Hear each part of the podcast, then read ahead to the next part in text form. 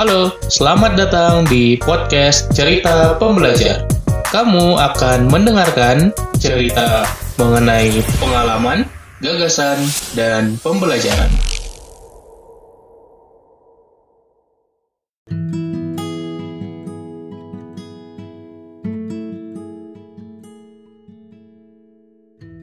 Halo Sobat Pembelajar, di mana pun lo berada, semoga selalu sehat, semoga segala urusannya dilancarkan, dan semoga selalu bisa belajar setiap hari.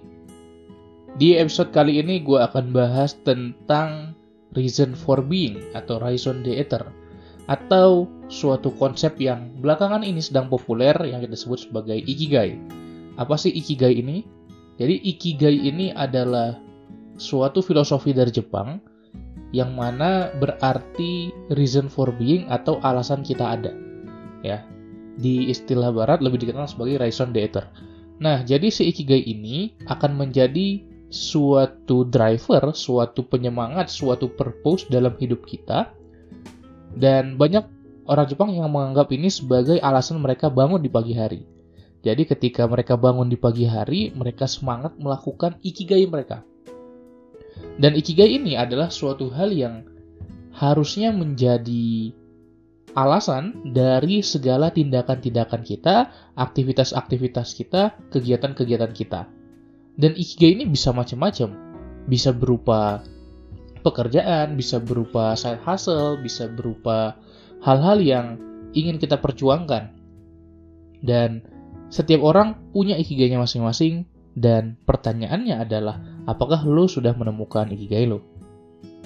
Jadi ketika kita memiliki ikigai, maka kita nggak lagi merasa bekerja sebenarnya, nggak lagi merasa kesulitan karena kita melakukan apa yang kita senangi.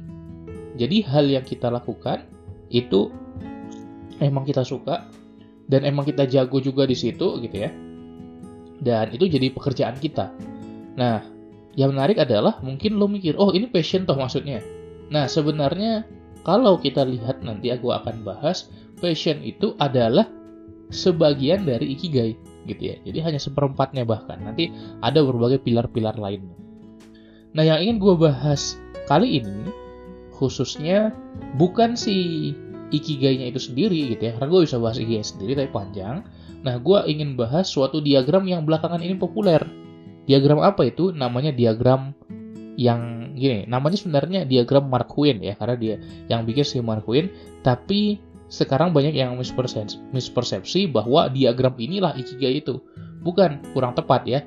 Jadi diagram ini untuk mencari si ikigai, gitu. Bukan diagram ini sendiri ikigai itu. Nah, tapi lo bisa cari di internet, cari aja di uh, browser gitu ya, cari ikigai, maka lo bakal dapetin si diagram ini pasti lo bakal dapetin diagram ini yang bentuknya ada empat buah lingkaran saling beririsan seperti diagram Venn.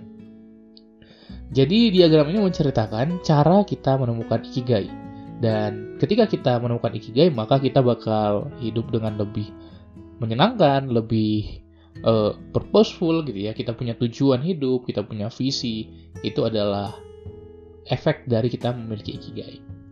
Nah, mari kita mulai dari komponen-komponennya. Ada empat komponen utama yang harus dipenuhi sebetulnya. Nah, empat komponen ini nggak susah gitu ya. Itu adalah suatu pertanyaan-pertanyaan yang bisa kita temukan dengan menggali ke diri kita sendiri. Dengan bertanya ke diri kita sendiri, kita bisa tahu apa yang bisa kita jadikan komponen-komponen penyusun ikigai. Kita mulai dari yang pertama, yaitu apa yang lo suka. Ya, apa yang lo seneng aja gitu ya. Apa yang seneng lo lakukan gitu apa yang lo suka untuk lo lakukan gitu. Atau barang apa yang lo suka gitu. Jadi nanti kita bisa menemukan banyak. Di sini itu adalah domainnya interest.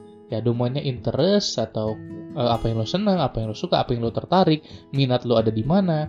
Di situ nanti muncul ada hobi ada kesukaan ada kegiatan yang lo enjoy melakukannya.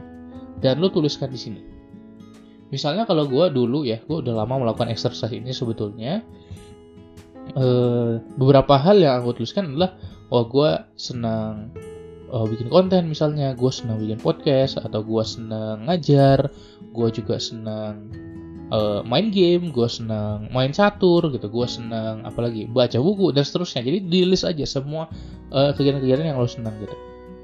Nah kemudian kita masuk ke komponen kedua adalah apa yang lo jago gitu ya. Apa yang lo bisa lakukan dengan baik.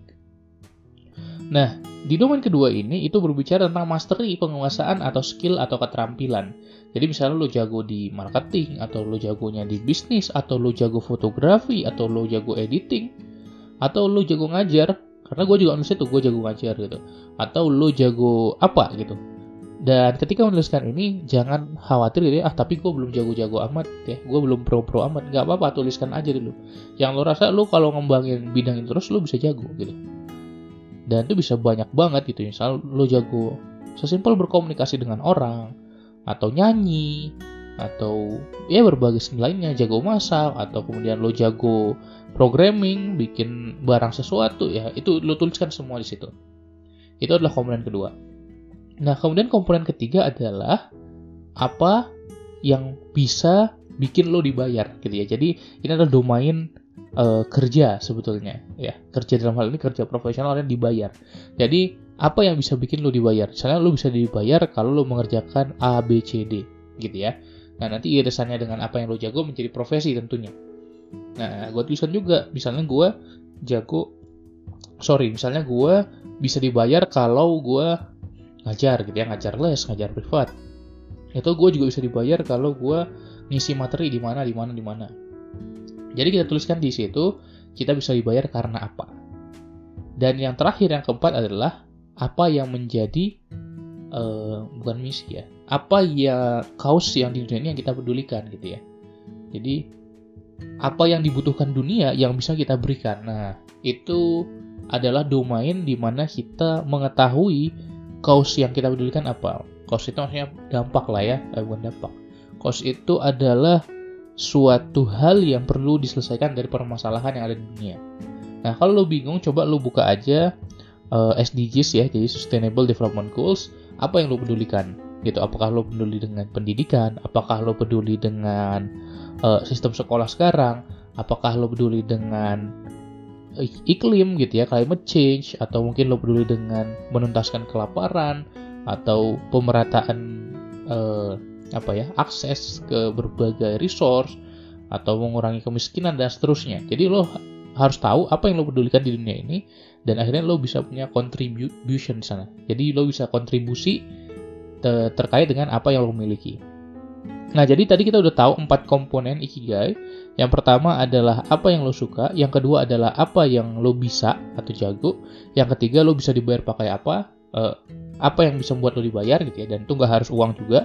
Dan yang terakhir adalah apa yang dunia butuhkan dari lo. Nah, ketika kita sudah punya empat komponen ini, kita cari irisannya apa. Dan ternyata nanti irisannya itulah yang membuahkan si ikigainya itu gue pernah mencoba exercise ini gitu ya dan sampai sekarang gue masih ada fotonya. Jadi akhirnya gue menemukan oh ternyata yang beririsan banget gitu ya yang beririsan dari semua ini adalah ngajar.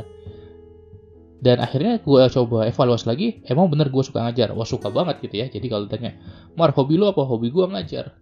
Gitu jadi emang suka banget. Dan kemudian ketika ditanyakan ke komponen kedua mar emangnya lu jago ngajar gue bakal bilang gue jago ngajar gitu ya. Dan ya confirm lah dengan feedback feedback yang gue dapetin dari murid-murid gue uh, siswa-siswi gue ternyata gue emang juga enak ngajarnya gitu ya.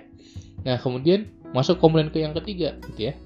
Emang lo bisa dibayar dengan ngajar? Wah bisa banget dong gitu ya. Banyak profesi-profesi terkait ngajar.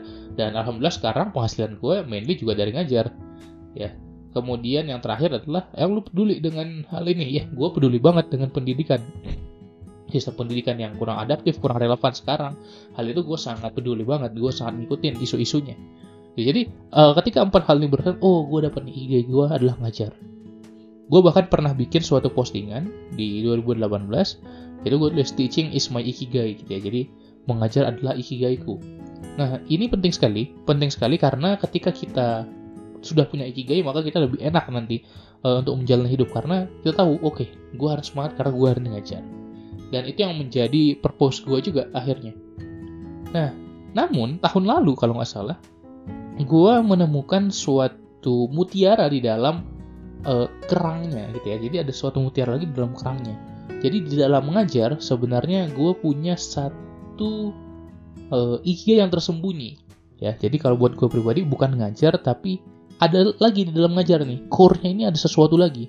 Ternyata hal itu adalah mengembangkan orang mengembangkan manusia. Jadi kenapa gue senang ngajar sebetulnya? Ya gue enjoy sharing menyampaikan sesuatu. Gue senang tampil gue senang hadir di panggung gitu tuh gue senang uh, dan yang ternyata lebih dalam dari itu adalah gue senang mengembangkan orang. Jadi gue senang upgrade orang. Gue senang orang naik level gue senang orang meningkat kompetensinya. Entah itu pengetahuannya keterampilannya mindsetnya beliefnya attitude-nya. Intinya ada peningkatan kompetensi dari orang itu. Intinya orang itu terupgrade sehingga menjadi lebih baik lebih baik lebih baik dan terus lebih baik. Itulah kenapa gue selalu menggunakan tagline pembelajar gitu karena gue percaya bahwa setiap orang pembelajar tentu bukan hanya pelajar yang ada di sekolah atau di kampus, tapi di kehidupan ini kita juga harus terus belajar gitu. Karena gue pribadi juga harus terus upgrade diri dan gue terus mengencourage orang juga buat terus upgrade diri.